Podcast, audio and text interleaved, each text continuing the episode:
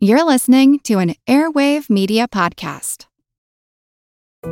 We all know how important it is to keep your eye on the money, and not just your own.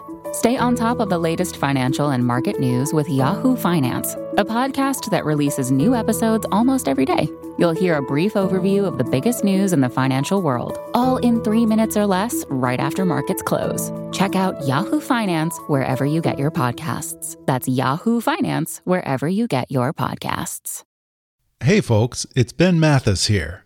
In case you haven't heard, we're launching a brand new podcast network called Airwave Media with many of your favorite shows, such as Once Upon a Crime, Investing for Beginners, Infamous America, and many others, as well as some exciting brand new original podcasts.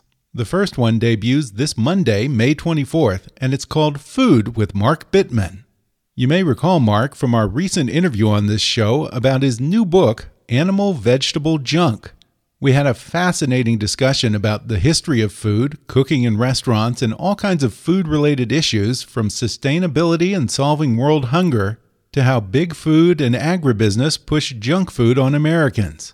Mark was the legendary lead food writer at the New York Times for many years, and he's authored over 30 books, including the classic How to Cook Everything series and the number one bestseller, Eat Vegan Before Six.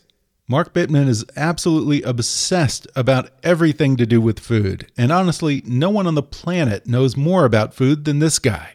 Mark has a fantastic lineup of guests, including world class chefs like Nigella Lawson, Tom Colicchio, Carla Hall, Eric Ripert, and Jose Andres, and others who are doing interesting things in the food world from Ted Danson and Jane Goodall to Moby and Adrian Miller.